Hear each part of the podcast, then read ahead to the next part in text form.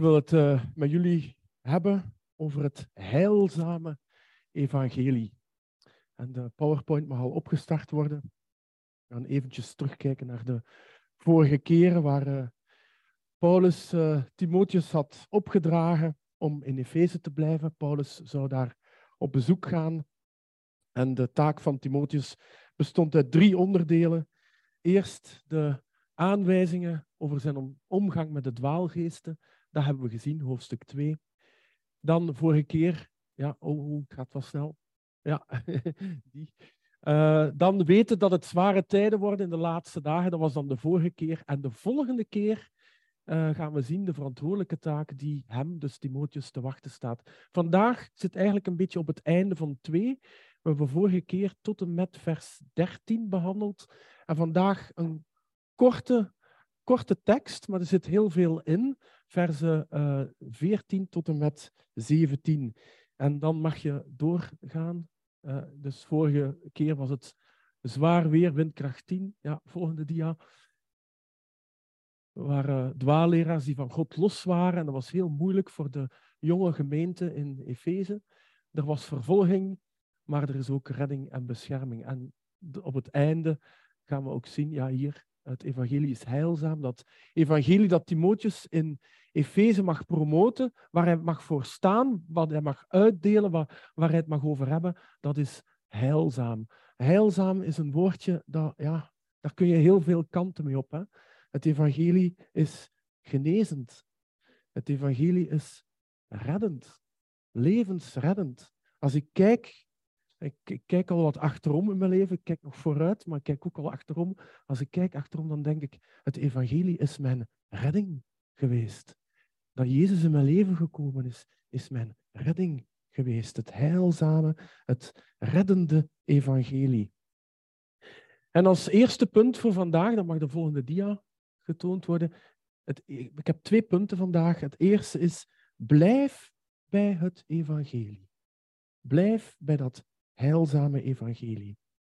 En we gaan naar vers 14. Eh, en daar is Paulus antwoord. En hij zegt tegen Timotheus: Maar jij blijf bij alles wat je geleerd hebt en met overtuiging hebt aangenomen.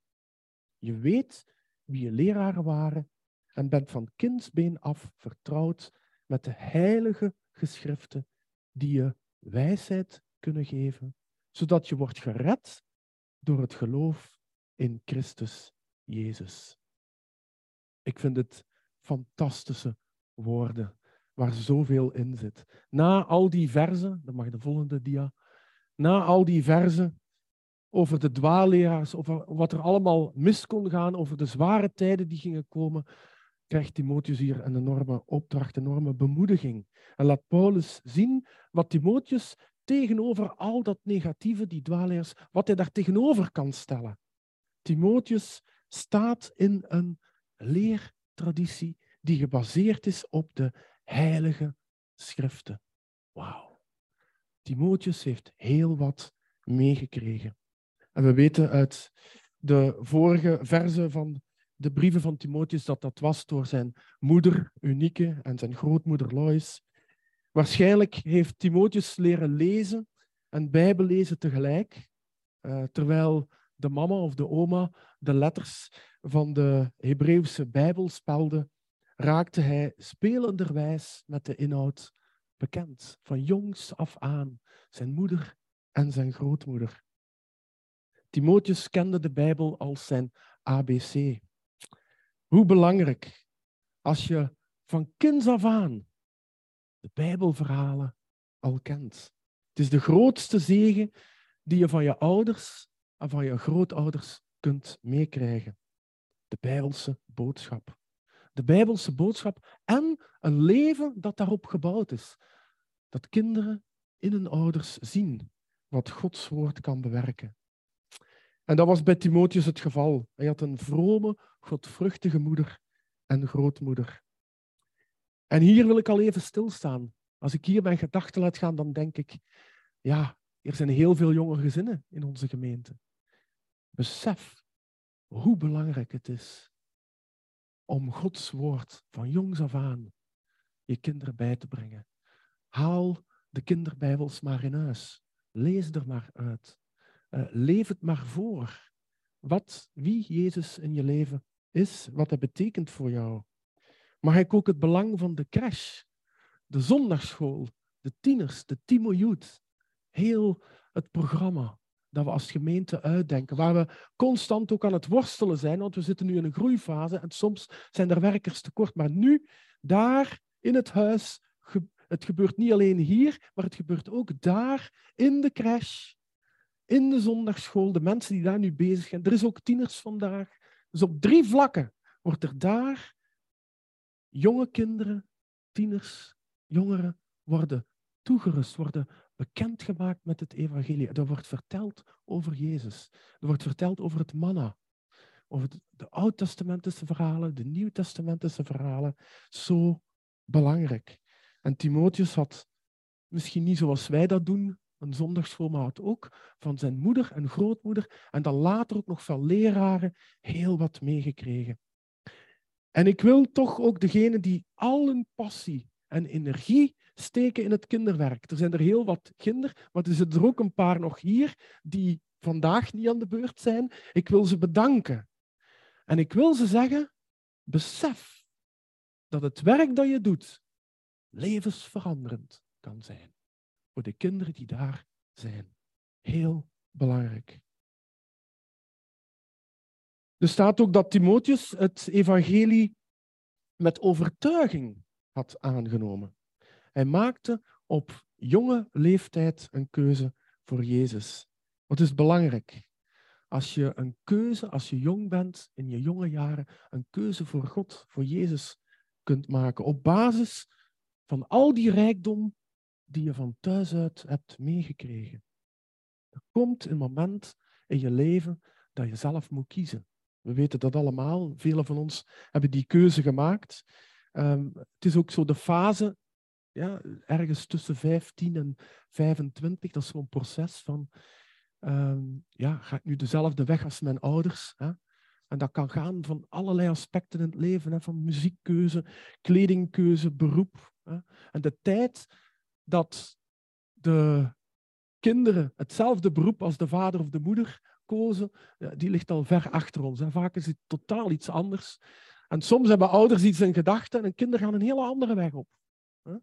Dat is zo die fase, hè, dat je zelf, dat, dat adolescenten zelf keuzes maken, keuze op keuze. En dan zit daar ook altijd die, die band met de ouders. Ga ik de weg van mijn ouders of ga ik een andere kant op? En dat kan op verschillende vlakken heel anders lopen. Soms kunnen ze ook in hetzelfde spoor als hun ouders verder gaan. Maar dat allemaal terzijde. In ons gedeelte hier gaat het vooral over de keuze om Jezus te volgen.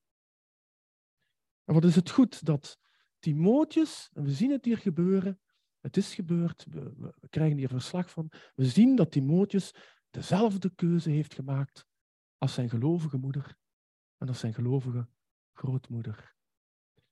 Um, de vader is hier een beetje afwezig, was geen gelovig iemand. In het leven van Timotheus was dat zo. Maar waar zijn de gelovige moeders, de gelovige vaders, de gelovige grootmoeders, de gelovige grootvaders? Besef wat voor taak dat je hebt naar je kinderen en naar je kleinkinderen toe. En Timotheus hij had een mooi voorbeeld gehad en hij gaat nu, hij kiest ook hij gaat niet zomaar klakkeloos zijn moeder en zijn grootmoeder achterna. Hij komt een beetje tot de jaren van, ja, je begint dan na te denken, hè, ergens, de puberteit, de adolescentie. En hij komt tot besluit, dit is de weg die ik ook wil volgen. Mijn moeder en mijn grootmoeder hebben mij de weg van Jezus laten zien, maar ik ga niet meer mee naar de kerk of ik kies niet voor Jezus omdat zij dat zeggen. Ik ben er zelf van overtuigd dat dat de beste weg is. De keuze om Jezus te volgen. Het geloof is doorgegeven, het is voorgeleefd en nu heeft Timotheus het zich eigen gemaakt. Kiest hij zelf om die weg te gaan. Een belangrijke fase in het leven. En het zal voor Timotheus hem heel wat wijsheid opleveren, zoals we gelezen hebben, in verschillende omstandigheden. Gods woord is het heilzame evangelie, brengt redding brengt blijdschap, maar ook heel wat wijsheid op je levenspad. Wijsheid die we vaak tekortschieten. Het levert ook eeuwige redding op in Jezus Christus. En ik weet niet wat u van thuis hebt meegekregen. We zijn allemaal hier bij elkaar, verenigd, op deze zondag. Maar tegelijk zijn we zo verschillend. Hebben we zoveel verschillende opvoedingen gehad. En ja, God weet het. Maar ik denk grofweg, hè, ik heb drietal opmerkingen uh, voor, en ik denk dat we dan al bij de volgende zijn. Ja, ik heb een drietal opmerkingen voor uh, ja, als je christelijk bent opgevoed. Ten eerste, besef wat je hebt meegekregen als je christelijk bent opgevoed. Van thuis, in de gemeente. Misschien kan je terugzien op een rijke carrière. Je bent hier geboren, je bent in de crash gekomen, de zondagschool, de tieners. Je hebt het hele programma doorlopen. Je hebt thuis van de kinderbijbel van je ouders van alles gehoord. Wauw, dat is het hele pakket. Misschien is het wel zo. Of misschien heb je wel hier en daar uh, dingen van Gods wijsheid en Gods rijkdom meegekregen. Wat een rijkdom. Besef wat voor rijkdom je hebt meegekregen als je christelijk bent opgevoed. Ten tweede, kies voor Jezus. Maak het je eigen. Ga er zelf voor. Niet omdat je ouders. Ze hebben je heel wat meegegeven, maar niet omdat je ouders die weg zijn gegaan. Wees overtuigd. Onderzoek het woord zelf. En kijk hoe je Jezus kunt volgen. Kies voor Jezus en dan weet je dat je wijsheid kunt ontvangen, dat je gered bent, dat je zijn kracht en nabijheid daar gebruik van kunt maken in moeilijke tijden. En tenslotte, blijf dicht bij Jezus. Blijf ook dicht bij de Bijbel. Lees de Bijbel. Zet je in voor Jezus. Word een discipel, want het is meer dan de moeite waard om Jezus te volgen. Zoek waar Hij je talenten heeft gegeven en zet je in. Ik heb ook een aantal opmerkingen voor mensen die niet christelijk zijn opgevoed. Ten eerste, eigenlijk dezelfde tip. Besef wat je hebt meegekregen. Misschien heb je ook wel goede dingen van je ouders meegekregen. Misschien ook minder goede dingen. En je hebt een aantal dingen het eh, christelijk geloof niet zo meegekregen, maar besef vooral wat God nu doet in je leven.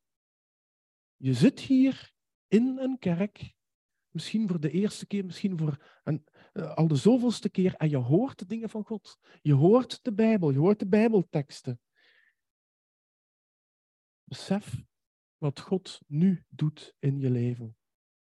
Misschien is het nieuw, misschien is het anders dan je vroeger gehoord hebt. Misschien heb je helemaal niks gehoord over het geloof. Misschien heb je vroeger in school, eh, hè, velen van ons zijn katholiek, hebben in katholieke scholen wel wat gehoord. Maar wat je nu hoort is misschien nieuw of gaat dieper.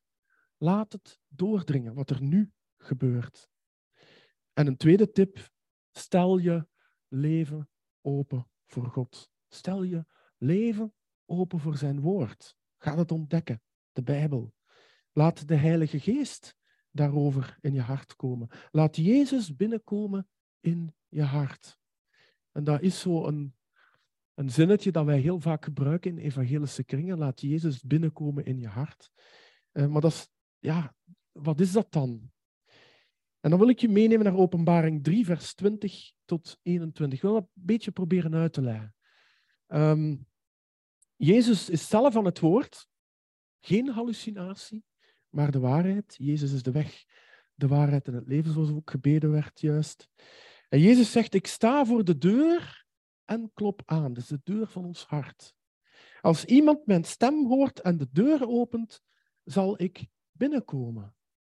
En we zullen samen eten, ik met hem en hij met mij. Is een, een van de bekende verzen, ook in evangelisatie. En Jezus gebruikt hier het beeld van de maaltijd. Het is een heel mooi beeld. Jezus klopt op de deur van ons hart. En hij klopt vriendelijk en geduldig.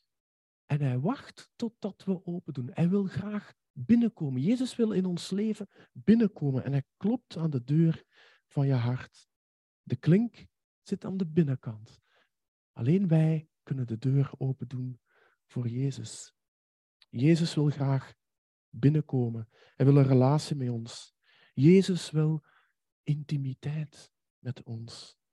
En het beeld van de maaltijd is daar eigenlijk een mooi voorbeeld van. Ehm, een maaltijd is intimiteit. Binnen het gezin, als je een maaltijd met elkaar hebt, daar uh, hebben de gesprekken plaats. Daar komen dingen naar boven. Daar is het gezellig. Het avondmaal is ook iets intiem. We hebben het met elkaar gevierd, met Jezus erbij. Beeld van de maaltijd. Wie de deur voor Jezus opent, ontdekt dan dat Jezus binnenkomt en ontdekt Gods liefde, Gods genade van heel dichtbij. En Jezus komt dan door de Heilige Geest in je hart wonen. Nu, wie wil je meer daarover weten, dan mag je mij na de dienst altijd daarover aanspreken. Ik zal daar achteraan in de hoek vertoeven. Uh, mag ook Erwin aanspreken of Jackie of een oudere christen die je, uh, waar je goed contact mee hebt. Maar vandaag klopt Jezus aan de deur van je hart.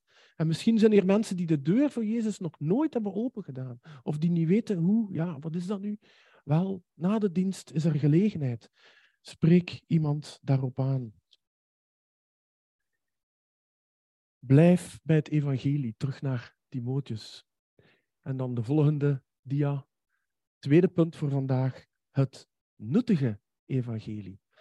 Paulus probeert aan Timotheus uit te leggen dat wat hij van kinds af aan heeft meegekregen, dat hij daar moet bij blijven en dat God hem op zijn manier, op zijn tijd als discipel in Efeze wil gebruiken. En dat het evangelie waar hij bij blijft, dat dat ook nuttig is. Elke schrifttekst, vers 16, is door God geïnspireerd en kan gebruikt worden om onderricht onderwijs te geven, om dwalingen en fouten te weerleggen en om op te voeden tot een deugdzaam leven. Zodat een dienaar van God voor zijn taak berekend is en voor elk goed doel volledig is toegerust. Weer zo twee versen waar zo ontzettend veel in zit. Paulus zingt hier de loftrompet over de heilige schriften, de Bijbel. Ze zijn van goddelijke oorsprong. Het is geen ChatGPT, het is geen hallucinatie, maar het is van goddelijke oorsprong. En daarom bij uitstek bruikbaar, um, nodig voor Timotheus in zijn werk als voorganger van de gemeente te Efeze. Elk afzonderlijk geschrift binnen het geheel van die heilige schriften komt van Gods hand. En in de tijd van Timotheus werkte met uh, werkten ze met boekrollen. Elke rol was kostbaar. Elke rol had zijn rol in die tijd. In onze tijd, ja, we hebben geen boekrollen meer, gelukkig. Is voor ons veel gemakkelijker. Um, wij kunnen gewoon in onze eigen taal. We hebben in onze eigen taal wel drie, vier, vijf, zes verschillende Bijbelvertalingen. NBG 1951, NBV, de nieuwe NBV, Groot Nieuwsbijbel, noem maar op. We kunnen dat allemaal gaan vergelijken, allemaal tot ons nemen, in onze eigen taal. Wat een luxe. Er zijn nu nog volkeren in de wereld die niet een eigen Bijbel hebben. Ik las het verhaal van Anne van der Bijl, die in zijn bediening gegroeid is en dan in de jaren 60, 70 um, in de ja, Oostbloklanden en Rusland en China. Dus heel veel gesloten landen, vaak ook communistische landen, waar uh, voorgangers zo blij waren als er één Bijbel was voor een gemeente van 500 mensen. En wij hebben gewoon onze eigen Bijbel. We zijn er ons ja, in de luxe waarin we leven, ook op materieel vlak hier in België, we zijn er ons nauwelijks van bewust hoe kostbaar het is dat we die heilige schriften zomaar kunnen raadplegen. En dan nog niet eens schat over het kleine apparaatje waar je zo Bijbel-apps en zoveel mogelijkheden hebt. Ongelooflijk. De Bijbel, het woord van God, de heilige schriften die reddingskracht bezitten. Juist omdat de Bijbel van goddelijke oorsprong is. Het geschrevene van de Bijbel is geen dode letter. Ik lees heel graag boeken. Maar als ik de Bijbel lees, dan begint God te spreken. Dat is toch iets speciaals. De Bijbel zelf, geen boeken over de Bijbel, dat is ook interessant, maar de Bijbel zelf ademt, wordt uitgeademd door God. Het is de Heilige Geest die ademt. En wat ik zo mooi vind, is dat, we lezen dat ook hier, uh, elke schrifttekst tekst is door God geïnspireerd. Petrus heeft het ook over de Heilige Geest, door de Heilige Geest geïnspireerd. De Heilige Geest die over de wateren was bij de schepping. Die Heilige Geest stond ook aan het begin van het woord van God en heeft schrijvers van het Oude Testament, van het Nieuwe Testament, geïnspireerd om die woorden op te schrijven in hun eigen taal. Dat is dan vertaald in zoveel verschillende talen en tot vandaag. Wauw, Gods woord. En het mooie vind ik dat diezelfde Heilige Geest, die aan het begin van Gods woord staat en de schrijvers geïnspireerd heeft, diezelfde Heilige Geest is werkzaam als ik mijn Bijbel open doe en ik zeg, huh, wat staat hier? Oh God, help mij. En dan begrijp ik het nog misschien maar half, een klein beetje meer. En dan twee jaar later lees ik dezelfde tekst. En dan komt diezelfde Heilige Geest en hij brengt me weer een stapje dichter om die tekst te begrijpen. En de Bijbel is een schat, een ontdekkingstocht. En de Heilige Geest helpt ons stapje voor stapje om die Bijbel te begrijpen. Maar het is dan ook nodig dat we die, die Bijbel openslaan. Want de Heilige Geest kan eigenlijk niet veel doen als wij Gods woord niet openslaan. Ja, dan kan hij moeilijk ons uitleggen wat, wat Gods woord bedoelt. Dan is de Heilige Geest beperkt. De Heilige Geest die aan het begin van Gods woord staat, staat ook aan het einde, aan de kant van de lezer die Gods woord wil leren kennen. Gods woord van goddelijke oorsprong. In elk Bijbelboek hoor je de hartslag van God.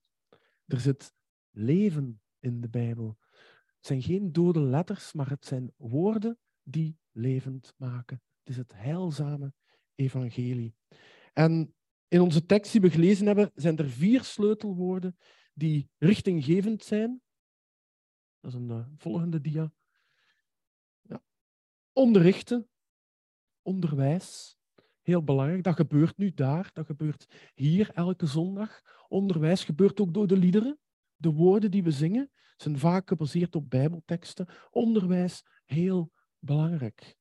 Timotheus moest in Efeze, had hij een onderwijstaak. Alles wat vroeger is opgeschreven, werd opgeschreven tot ons onderricht, klinkt het ook nog.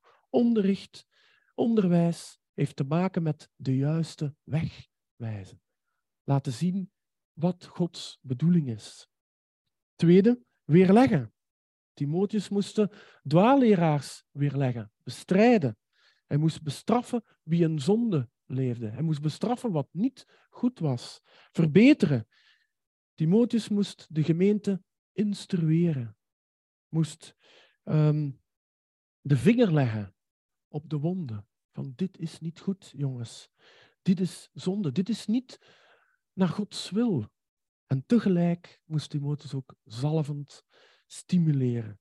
Ja, die weg. Zo hoort het. Zo is het goed. Daar is God blij mee. Dat is de juiste weg. Onderrichten, weerleggen, verbeteren en opvoeden in gerechtigheid. Dat is ook zo'n mooie, opvoeden. Timotheus moest alles tegenstrevers terechtwijzen via pedagogische en doelgerichte benadering. Hij moest weten waar hij naartoe wou en waar, met wat hij uh, de bestemming wilde bereiken, met het woord van God. En hoe? Opvoeden. Opvoeden is een proces, pedagogie. Opvoeden betekent eigenlijk de goede leer steeds weer herhalen. Dat is ook nodig, zeker met kinderen. Ik heb nog niet veel kinderen op scholen meegemaakt die, als je één keer iets zegt, die dan de rest van het schooljaar luisteren. En zeggen, ja, ik heb het helemaal begrepen. Ze hebben allemaal hun zwakke momenten. Uh, en sommigen gaan tegen het gezag in. Ehm, het, ja, de goede regels op een school, maar ook de regels vanuit Gods woord, wat God met ons in gedachten heeft, de weg die God met ons wil gaan, dat moet elke keer weer herhaald worden. Wij moeten aan de waarheid herinnerd worden. En dat is wat Timotheus ook in Efeze moet doen. Opvoeden. Een proces. Je blijft de goede leer herhalen en tegelijk ook de goede leer toepassen in je eigen leven.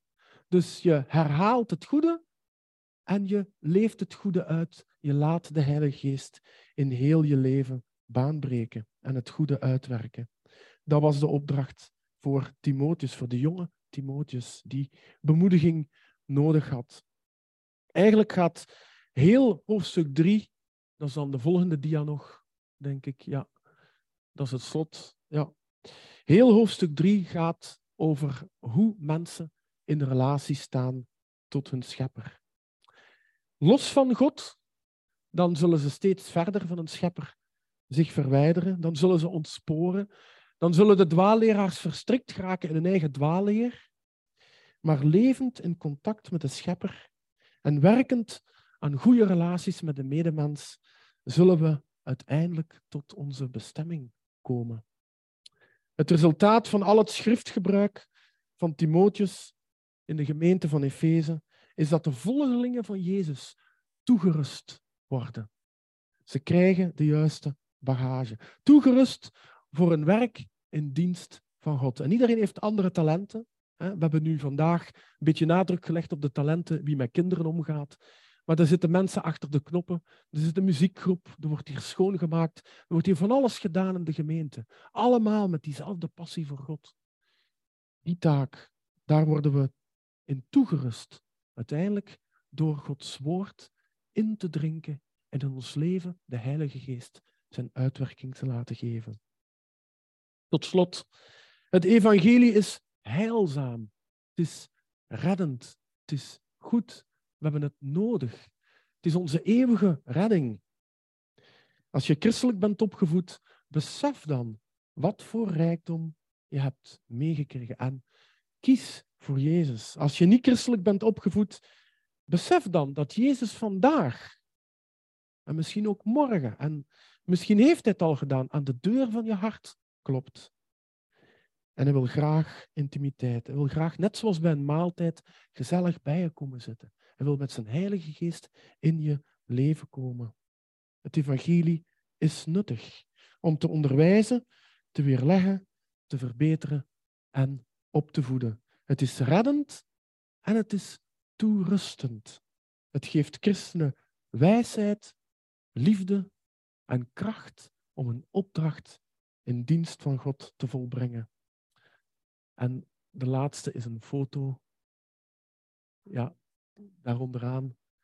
Je krijgt, als je Gods woord opent, ontdek je dat je bagage krijgt om in zijn plan in te stappen en zijn weg met jouw leven te gaan. Je krijgt genoeg proviand mee. Amen. Laten we bidden. Vader in de hemel, we danken u dat uw woord zo duidelijk is, dat uw woord zo goed is, zo verheven, dat uw woord een verslag is van uw hart, Heer. Wat u in petto hebt met ons leven, dat uw woord ons duidelijk maakt, Heer, wie u bent en wie wij zijn. En dank u, Heer, dat we met u mogen wandelen in uw licht. Dank u voor uw liefde, dank u voor uw trouw en genade, dat we met u in deze wereld mogen leven. En help ons. Um, schenk ons wijsheid, Heer. Schenk ons liefde om in deze wereld waarin zoveel noden zijn, om mensen te bereiken met uw heilzame evangelie. Dank u wel, Heer, voor de kinderen die daar in het huis, in drie verschillende ruimtes, nu op dit moment uh, goed begeleid worden en de Bijbelverhalen ook weer gehoord hebben. Dank u dat we elke zondag hier onderwijs mogen hebben, dat we ons mogen laten vullen door de waarheid, dat we elkaar mogen aanvuren om u weg te gaan. Dank u wel, Heer, dat uh, u goed bent en dat we een God hebben die leeft, een God die perspectief geeft, een, een God die um, ons leven zin geeft en een invulling geeft, Heer.